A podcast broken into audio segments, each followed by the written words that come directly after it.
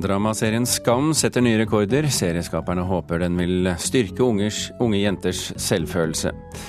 Kortfilmfestivalen i Grimstad vil bli saksøkt dersom de viser dokumentaren The Magnitsky Act under årets filmfestival. Og Fredagspanelet diskuterer hvem som skal bestemme hvilken kunst vi skal se, og om ungjenter på nett må leve med å bli trakassert.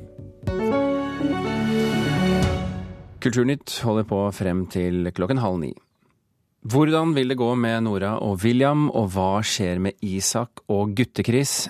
1,1 millioner nordmenn fulgte den siste uken med siste nytt om disse fiktive menneskene. Vi snakker selvsagt om nett- og TV-dramasuksessen Skam, som legger ut siste episode i andre sesong i dag. Og hvis du ikke har fått det med deg ennå, serien som egentlig er beregnet på 16-åringer, når nå langt utover målgruppa.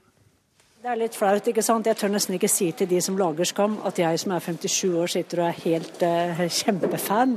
En påtroppende utenrikskorrespondent i NRK med stjerner i øynene da hun møtte to av Skam-skaperne Marianne Furuvoll og Mari Magnus på NRK-foredrag i går. Så hadde jeg sånn binge-watching, så jeg så alt i løpet av én helg. Alt sammen. Sissel Wold er kanskje ikke helt målgruppa? Nei, jeg er jo ikke det. Jeg tenker at det er veldig flott ja, at vi kan uh, gi folk en opplevelse. Uh, uansett uh, om de er innafor eller utafor målgruppa. For vi er jo mennesker, og Skam handler jo om det å være menneske. Herregud, han er den mest usympatiske og selvopptatte mennesket jeg vet. Liksom. Nora er hovedperson i sesong to i serien om en gjeng venninner på videregående i Oslo. Hva, hva skjer? Den handler om de store tingene i livet. Vennskap og forelskelser, svik og kjærlighet og russebusser. Men det ligger noe viktigere under. Serieskaperne har en læresetning, en misjon for hva de vil.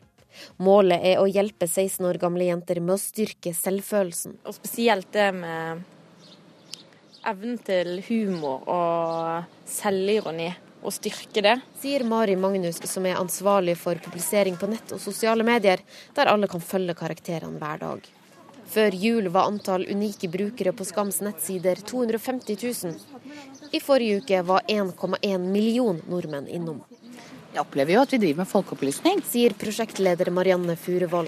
Eh, gjennom humor, gjennom eh, mer sterkere historier. Eh, men gjennom å, å prøve oss å speile den virkeligheten som målgruppa lever i. Det er ganske ballsy, da. Å være frekk mot den som sitter på nakenbilder av deg. Var det en trussel? Hørtes ut som en trussel. Scener som den her, der Nora konfronterer han som kanskje voldtok henne da hun hadde blackout på fest, har fått mye ros. Kripos gikk ut og hylla Nora for måten hun håndterte det på, og flere mente episoden burde være skolepensum. Det er jo veldig gøy at vi, at vi kan være med og gjøre en forandring. Og jeg syns jo denne eh, historien med Nora nå har jo konkret gitt både gutter og jenter eh, noen, noen, verktøy og, som de kan bruke i sitt eget liv. En sesong tre er allerede bekrefta, da med en ny person i hovedrollen. Og også de som er litt utenfor målgruppa, lurer på hvem det blir. Hvem håper du blir hovedperson i sesong tre? Og det er Sanna. Jeg syns hun er veldig viktig og spennende karakter. Tar dere det til etterretning? Vi noterer at det er et ønske. Ingen avsløringer der? Nei, ikke noen avsløringer. Vi får vente. Vente litt. Marianne Furuvoll til reporter Irina Kjelle. Ingvild Arneberg og Maja Randers, velkommen til eh, Kulturnytt. Tusen takk. 18 år gamle, går på videregående skole i Oslo. Følger med på Skam begge to. Hvorfor gjør dere det egentlig? Vi begynner med deg, Maja. Eh, alle gjør det jo. Det er veldig vanskelig å unngå. og Det er jo mange måter den store snakkisen. Eh, man blir jo veldig hekta når de poster hver uke, og det blir liksom så å følge med på små oppdateringer. Og det er jo veldig spennende. Ingvild? Ja, og det er jo utrolig relevant. Det er jo den første serien som faktisk viser hvordan vi har det i hverdagen. Og når du sier poster, så er det jo fordi for de som ikke har fulgt med på denne serien, så er det jo da altså mye som skjer på sosiale medier eh, i forkant av hver episode som kommer i slutten av uken, ikke sant. Mm. Eh, hva er det, Ingvild, eh, du syns er bra med denne serien, bortsett fra at den kjennes relevant? Eh, det er jo for det første altså, bra kvalitet, men de tar jo også opp temaer som man opplever i hverdagen, og på en måte viser hvordan man kan takle det, da. Og som de hørte denne scenen som Og til og med Kripos hyllet og sånn. Det er jo jeg Vet ikke. Det er eh, er det, er det det at den, den beskriver, eh, eller dere får noen svar på ting som dere går og funderer på i det daglige, eller som dere snakker om eh, dere imellom? Ja, absolutt. Altså, Nora er jo en veldig sterk karakter som sier veldig tydelig hva hun vil, og det er jo på en måte en inspirasjon, da. Hva, hva syns du, Maja, om at de tar opp temaer som dette her, som, som jo for så vidt alle er opptatt av, og som skrives om i avisen, og man, man hører om det, altså dette med, med festvoldtekter f.eks. Um, nå vet vi jo ikke om det faktisk har skjedd i denne serien, men, men hva syns du om at, at det er sånne, sånne type temaer som er eh, i denne serien? Jeg syns det er veldig bra at akkurat denne serien har disse temaene, fordi jeg syns det løser det på en veldig fin måte. For det er jo ikke bare det at, liksom, at det skjer, men de tar det også ned på jorda. Og, og liksom løsningene er fine, fordi samtalene og konfrontasjonene er på sett og vis realistiske. Selv om Nora er veldig sånn forbilde. Det er sikkert ikke alle som hadde turt å stå skikkelig opp og, og referere til alle lovene og virkelig ta han eh, som hadde gjort det. Men eh, men så de løser det på en fin måte og, og, og gir litt sånn realistisk inspirasjon. Det syns jeg er veldig bra. Er Nora et forbilde for deg også, Ingvild? Ja, absolutt. På hvilken måte da? Nei, hun er tydelig på hva hun vil. Hun er ikke redd for å si fra. Og hun støtter vennene sine, samtidig som hun også har sine feil. Hun gjør ikke alt perfekt, og det gjør henne enda mer enda et større forbilde, da. Mm. Vi, vi, hørte jo her Sissel Wold som eh, altså 57 år gammel eh, korrespondent eh, opptatt av vi, altså vi voksne, for å kalle det det, vi kjenner henne jo som en ekstremt engasjert journalist og veldig opptatt av vanskelige spørsmål i verden, men sitter og ser på dette. Er det noen som har noen svar på hvorfor det, det, det favner så bredt? Kanskje noen føler at de kan gjenoppleve ungdomstiden litt. Jeg vet ikke. Eh, mamma ser på Skam eh, og føler masse at nå lever hun litt mitt liv og koser seg med det. Og jeg føler nesten at, at, livet mitt blir eh, litt eksponert, for jeg syns at det gjengir veldig godt eh, det virkelige ungdomslivet. Ja, er det bra eller dårlig? Eh, det er bra og dårlig. Det blir litt sånn Det er ikke helt sånn, mamma, men så er det jo litt det. Men så er det jo fint at vi får et innblikk, da. Føler du at du blir eksponert overfor dine foreldre, Ingvild? Ja, mamma er også veldig, veldig interessert i det. Det er jo noen ting som jeg kanskje tenker at dette er litt for nærme. Kanskje, vi ikke skal, kanskje mamma ikke skal se på dette. Men det er jo også morsomt når hun er så engasjert i noe som også jeg syns er spennende. Da. Det er siste episode i, i dag. er det på en måte litt greit? Ja. Jeg syns det. På en måte, jeg syns uh, mediene på en måte kan få ta en liten pause. Jeg syns det har vært veldig mye sånn parterapeuter som analyserer forholdene i Skam og sånn, og det kanskje går litt langt. Uh, og at kanskje man kan vente og glede seg litt til en ny sesong, da. Men en tredje sesong, eh, Maja, det, du ser på det nå? Ja, jeg gjør nok det. Men hvem vil dere ha som hovedperson? Mm, kanskje Vilde. Du sa Vilde, du sa Chris. Chris, ja. Ja, jeg syns det har vært litt lite Chris. Jeg syns uh, hun er en karakter som kanskje har fått litt én side eksponert, så jeg vil gjerne se flere sider av henne. Litt uh, uh, Ja, hvilke sider er det du vil se? Nei, jeg vil bare se at hun har flere sider, for det tror jeg, for hun har blitt portrett som en ganske liksom, morsom karakter, og jeg tror hun er liksom mer enn det. Ja. Og man skal ikke liksom bare gjøre narr av henne og le av henne. Jeg vil gjerne hun er den karakteren jeg gjerne vil se mer av personligheten til. det kan jo hende at hun er morsom og sprudlende og gøyal, nettopp fordi det er flere sider. Ikke sant? Ikke, ja. William hadde jo flere sider bak seg. Det blir morsomt, og vi får vente i spenning. Og i mellomtiden så er det altså siste episode som kommer i, i dag. Og da takker jeg Maja og um, Ingvild for at dere kom til Kulturnytt. Takk skal dere ha. Tusen takk.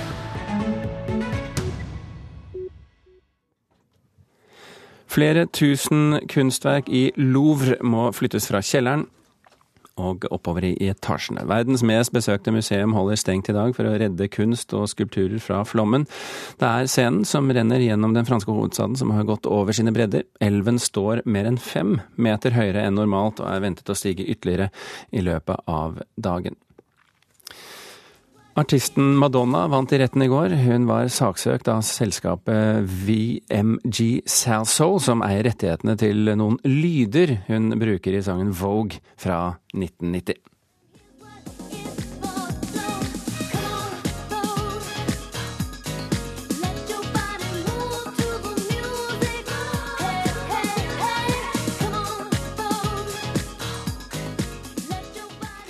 Ja, Hvis du ikke hørte lydene som de krangler om i retten, så er det, altså det, så er det fordi at det er blåserne, disse små tutene, som kommer i 0,23 sekunder, og er altså brukt av The Salsoul Orchestra i sangen Lovebreak i 1982. Retten fant til slutt, etter en lang rettssak, at lydene var så uviktige at de ikke krevde noen erstatning. Dommen blir sett på som en seier for alle som driver med sampling, altså å bruke deler av musikk andre har laget, inn i sin egen. Kortfilmfestivalen i Grimstad vil bli saksøkt dersom de viser dokumentaren The Magnitsky Act under årets festival. En amerikansk investor og milliardær vil ha filmen stanset fordi han mener den inneholder uriktige og ærekrenkende opplysninger. Daglig leder Anita Svingen i Kortfilmfestivalen bekrefter at de denne uken har mottatt varsel om rettslige skritt vi viser The Magnitsky Act på Kortfilmfestivalen, så vil vi bli saksøkt. The Magnitsky Act er lagd av den russiske regissøren Andrej Nekrasov og produsert av norske Piraya Film. Etter planen skal dokumentaren vises i Kortfilmfestivalens konkurranseprogram torsdag 9.6 og fredag 10.6. Den amerikanske investoren og milliardæren William Browder og de etterlatte etter den russiske advokaten Sergej Magnitsky ønsker å stanse enhver spredning av filmen, fordi de mener den inneholder uriktige og ærekrenkende opplysninger, og advarer Kortfilmfestivalen mot å vise den. Vi har en advokat som forholder seg til dette og svarer på varselet, eh, men vi har fortsatt samme utgangspunkt for visning av filmen og vi forholder oss til produsenten Puraya Film. Well, so we've had a chance to see this film, and it's um, it's completely full of lies about um, Sergej Magnitsky. William Browder sier filmen forvrenger sannheten og er full av løgner om Sergej Magnitsky. De siste seks og et halvt åra har Browder, sier han, jobba for å få oppreisning for sin tidligere ansatte, som døde i russisk fengsel i 2009. Han kan ikke tillate at filmen blir vist, og er opptatt av hva den gjør med de etterlatte. His widow and his mother are just beside themselves with, with distress. I Kortfilmfestivalens program står det om The Magnitsky Act, en dramatisering av russisk politis forsøk på å stjele 1 milliard dollar fra en amerikansk finansmann og myrde hans trofaste skatteadvokat Sergej Magnitsky, utvikler seg til en dokumentarisk etterforskning. Til regissør Andrej Nekrasovs store sjokk er den offisielle vestlige versjonen av historien grovt feilaktig. Vi står inne for alle våre funn. Altså De kan dokumentere alle våre funn i den filmen. Det er ingen løgner i vår film. Sier Torstein Grude i Piraja Film, og understreker at filmen fortsatt er under arbeid. Planlagte visninger av filmen i Europaparlamentet og i den fransk-tyske TV-kanalen Arte er tidligere blitt avlyst. There's, there's never, there hasn't been a single situation where somebody who has been going, who was going to show this movie when they were presented with the evidence, has decided to show it. Det er en veldig komplisert uh, sak, egentlig. Sier Øystein Haga, som er Grimstads representant i Kortfilmfestivalens styre. Jeg ser at uh, EU-parlamentet ikke anbefaler at den skal vises. Men uh, vi er i Norge, og det er norsk lov som gjelder. Og ytringsfriheten er en av de viktigste tingene i norsk lov. Du hørte her reportasjen til Miriam Grov. Vi er nå i ferd med å iverksette Fredagspanelet. Vi skal ha nyheter først. En liten oppdatering. 14 postansatte er satt i karantene etter at det lekket ut et mystisk pulver fra en konvolutt på en postterminal i Vestfold sent i går. Det er ikke klart hvilket stoff det er snakk om, eller hvem brevet var adressert til. Og Det er også funnet pulver i brev i Sverige i dag tidlig. Politiet og redningstjenesten der har rykket ut til en postterminal i Stockholm. Evakueringen som ble startet i dag tidlig av Aker sykehus i Oslo er avblåst. Gasslekkasjen fra kjøleanlegget er likevel ikke farlig. Og da kan vi ønske velkommen Inger Merete Hobbelstad, kommentator i Dagbladet, Andreas Wiese, daglig leder av Litteraturhuset i Oslo, og Synne Øverland Knutsen, redaktør av musikkmagasinet Fanfare. Det er dere som er fredagspanel i dag. Velkommen alle sammen. Takk. Vi hopper eh, rett inn i kunstens verden, for eh, det er denne uken så har vi diskutert eh, hvorvidt vanlige folk selv må få lov til å avgjøre hvilken kunst som skal henge på veggen på offentlige steder, eller utsmykke offentlige steder på annet vis. Det var i hvert fall utgangspunktet til samfunnsdebattanten Audun Eng som forrige uke en kritikk mot Koro, kunst i offentlig rom, som selvfølgelig protesterte. Hva syns dere? Bør folk selv få lov til å bestemme kunsten på arbeidsplassen sin? Vi begynner med deg. Nei. Nei og litt grann ja. Nei. Ingen demokratisering av det. Men la oss nå begynne med Synne Øverland Knutsen. Hvorfor skal ikke folk få lov til å bestemme der de er selv? Ja, nei, altså Jeg er jo eh, fan av at eh, folk skal få bestemme. Og sånn overordna så er jeg skeptisk til sentralisering av eh, makten i kunstfeltet.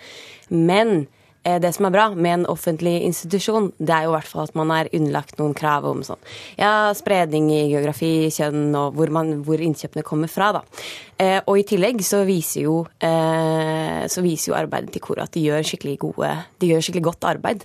Eh, og jeg er veldig spent på hvordan den prosessen skulle vært. Skulle det vært en folkeavstemning hver gang det skulle vært et, eh, noe offentlig en kommunal drodlemøte? Eh, jeg tror ikke det hadde vært særlig effektivt for kunst i offentlig rom.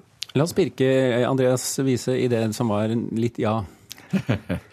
Nei, men uh, la oss For å starte et sted, ikke sant, så skal folk bestemme dette her. Men da er det jo første spørsmålet hvilket folk? Altså hvis politiet skulle bestemme kunsten på politihuset, så er ikke jeg sikker på om jeg som bruker av politihuset ville sette pris på å komme til et sted med politikunst. Uh, ikke sant? Ja, hvem vet? Ja ja, hvem vet. Men uh, ja-en er fordi jeg tror det er viktig at mange stemmer blir hørt. Og jeg tror det er viktig at man ikke lar, lar dette bli et elfenbenstårn hvor det sitter noen og bekrefter sin egen smak. Slik at man kanskje er noe av problemet at disse tingene faktisk lett monopoliserer seg. At man lager store systemer hvor alt foregår på samme måte. Og at det ville være lurt å la mange blomster blomstre.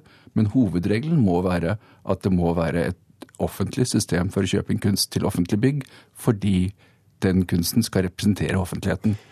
Du sa nei, Inger Merete Hobbelstad, men eh, Andreas har jo et poeng her i en viss demokratisering? Eh, absolutt, og jeg tror ikke noen mener at det skal tres ting nedover, helt nedover hodet på folk. Altså Hvis det kommer ting som av forskjellige grunner er kontroversielle eller vanskelige, møter ny motstand, så skal det jo være en samtale om det. Men det er det jo også i disse, disse situasjonene. Eh, men noe jeg har reagert litt på i denne debatten, er at man snakker som om de ansattes mening er én ting. Altså som det er soleklart at ekspertene mener én ting og de ansatte mener en annen. Altså Det er jo klart blant de som vil bruke bygget også, så vil det jo være delte meninger, det vil være ulik smak. Eh, det er ikke gitt at det kommer til å stå i sterk opposisjon til hva en kurator eh, utenfra mener. Og det virker som han som skrev dette innlegget, tar det for gitt at den smaken til de ansatte ville være mer tradisjonell, at den ville gå kanskje mer i retning av det lettfordøyelige. Jeg er ikke sikker på om det er så gitt, da. Eh, og i det store og hele så, så tenker jeg vel at jeg syns ikke dette er så annerledes med at man lar profesjonelle, altså folk som vet hva som fungerer eller ikke, tar slike avgjørelser. Altså Man lar arkitekter tegne hus, man lar ofte interiørarkitekter eh, rå med interiøret. Og det at man da lar eh, fagfolk ha ansvaret for dette, altså de som vet hva som eh, kan komme til å få uheldige konsekvenser også, ikke sant, hvis man som har erfaring fra før. Men jeg tenker at det kunne vært et fint kunstprosjekt i seg selv, da.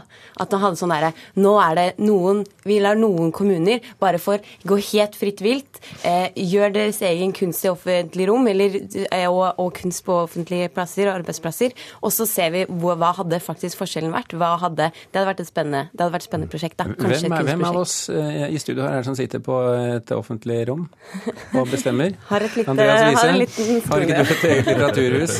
Hadde dette vært et gøyalt prosjekt for dere? Dette er jo, altså Litteraturhuset er jo en privat stiftelse. Ja, men det er jo et sted hvor offentligheten ja. er til stede. NRK er et offentlig rom, så her kan jeg sende spørsmål tilbake til deg. Ja, Hva har du lyst til å ha på veggen her? Jeg ser det er ganske tomt. Det er ganske tomt på veggen her. Nei, det, altså, når det gjelder kunst i NRK, don't go there, sier jeg bare. Vi hopper videre til eh, neste spørsmål. Det er ikke helt irrelevant i forhold til spørsmålet om kunst og offentlighet, fordi at denne uken så startet rivingen av Melbu barne- og ungdomsskole i Hadsel i Vesterålen, også kalt Rødskolen. Til tross for at det er sterk uenighet om skolen fra 1963 er et viktig kulturminne som bør tas vare på eller ikke. Spørsmålet vårt er uansett, gjør Hadsel kommune en kulturpolitisk tabbe her? Ja. Ja. Ja. Oi. Helt uh. Ja, OK, kom igjen, kjør på. Uh, Inger Merete Hobbelstad, hvorfor gjør de en tabbe? Uh, nei, her virker det jo som om man bare har satt ut avgjørelsen til eh, noen andre. Man appellerte til staten, og staten mente at det var ikke nasjonale grunner til å At de skulle på en måte eh, understøtte opprettholdelsen av dette bygget, og så bare toer man da sine hender eh, lokalt. Og det er litt trist at, skal, at prosessen skal liksom bli så banal, da. Men har de Eh, gjort feil? Er det feil i prosessen her? Det er, nok, det er sikkert ikke feil i prosessen, men eh, det er jo likevel noe som går tapt, som man kan, godt kan se for seg ikke burde gå tapt, og som man kunne funnet andre bruksområder til. Altså det at man trenger, altså det at man trenger et annet skolebygg, det kan man jo godt tenke seg. Der er det moderne krav til brukervennlighet og alt hva elever trenger å ha rundt seg. Eh, men det at man har et stort staselig bygg med en utsmykning som er såpass unik, og at den nå skal gi plass til, jeg tror det var en parkeringsplass, altså det virker veldig kortsiktig, da. Altså Der er det jo lett å tenke seg at det vil kunne være andre bruksområder for den typen store saler som en eh, skole faktisk byr på, hvor man samtidig kan ta vare på eh, denne kunsten som ikke uten videre lar seg erstatte. La oss bare ta en liten recap for de som ikke har sett bilder av Rødskolen. Det er en klassisk boks fra 1963 på utsiden. Ser ikke spesielt eh, eh, vakker ut, men så kommer du inn, og så er det et stort eh, flereetasjes høyt eh, rom med, med kunst på veggene som er malt direkte på veggene av en eh, i sin tid lokal kunstner. Andreas eh, Wiese, er det ikke en ærlig sak at noen, en, kommune eh, har et eh, prosjekt, spør myndighetene om det er verdt å ta vare på eller ikke, får beskjed om at eh, det har de ikke noe mening om, eller at det må de avgjøre selv, tar tilbake og finner ut at nei, vi, vi kan la være.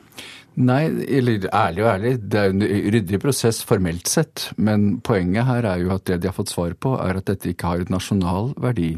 Hvilket overhodet ikke er det samme som at det ikke har et lokal verdi. Og hvis du tenker på kulturen som ligger i et sånt bygg som dette her, altså her har ungene i Hassel fra 1963, hvert eneste menneske som bor der, sett og gått inn i dette bygget og sett dette kunstverket hver eneste dag, helt til de aldri så, ikke så det mer, for å si det sånn.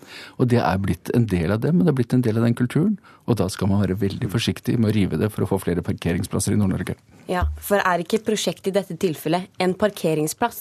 Eh, argumentet er vel at det er for dyrt å beholde, eh, og det tenker jeg ikke er eh, godt nok, da. Det er en prioritering. Noen påstår at det vil koste 7 millioner kroner å ta vare på det. Det er mye Ikke lommerusk. Nei, det nei, det er ikke lommerusk. Det er mye penger i en fattig kommune. Er ikke det et argument, Knutsen?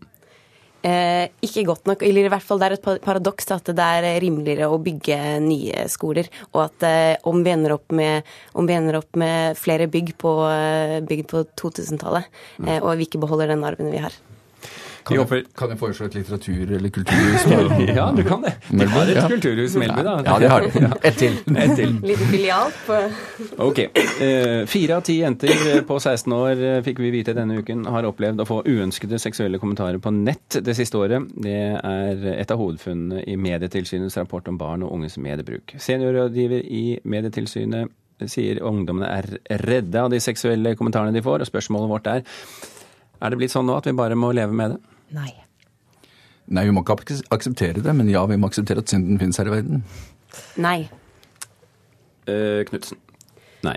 Hvorfor eh, Hva tenker du å gjøre? Hva jeg tenker å gjøre med dette? Eh, ja. Hvis du ikke skal eh, leve med det. Ja. Nei, det er jo en utfordring det siden den har eh, vært siden eh, vel eh, Vi sliter litt med å eh, implementere straffelov osv. osv. Men det er fortsatt litt sånn her Oi! Internett kom, og vi skjønner ikke helt hva vi skal gjøre med det. Og det tenker jeg sånn eh, det, nå, det, Internett kom, ja, og det er vi klar over, og det har vi vært klar over lenge. Eh, men i første omgang tenker jeg straffeforfølge det. Anmelde det, og så må det straffeforfølges. Vise synden er ikke ny, sier du. Nei, altså Poenget er jo at denne typen ting vil finnes, og noe av problemet er at den finnes i enhver skala fra en fnisete kommentar fra en annen ni-tiåring og opp til det virkelig totalt uakseptable med eldre menn som trakasserer yngre kvinner. Eh, slik at hvilken del av dette som kan straffeforfølges, og hvilken del av dette som bør behandles på andre måter, og hvilken del av det vi bare må leve med, det er på en skala fra den ene siden til den andre siden.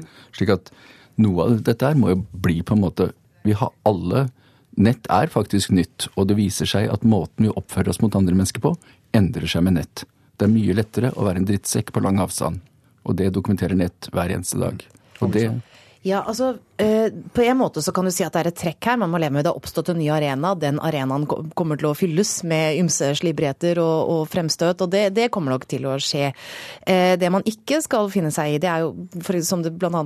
Eh, kommer frem i denne rapporten, at unge jenter sender nakenbilder av seg selv i stor grad fordi de føler seg presset til det til andre.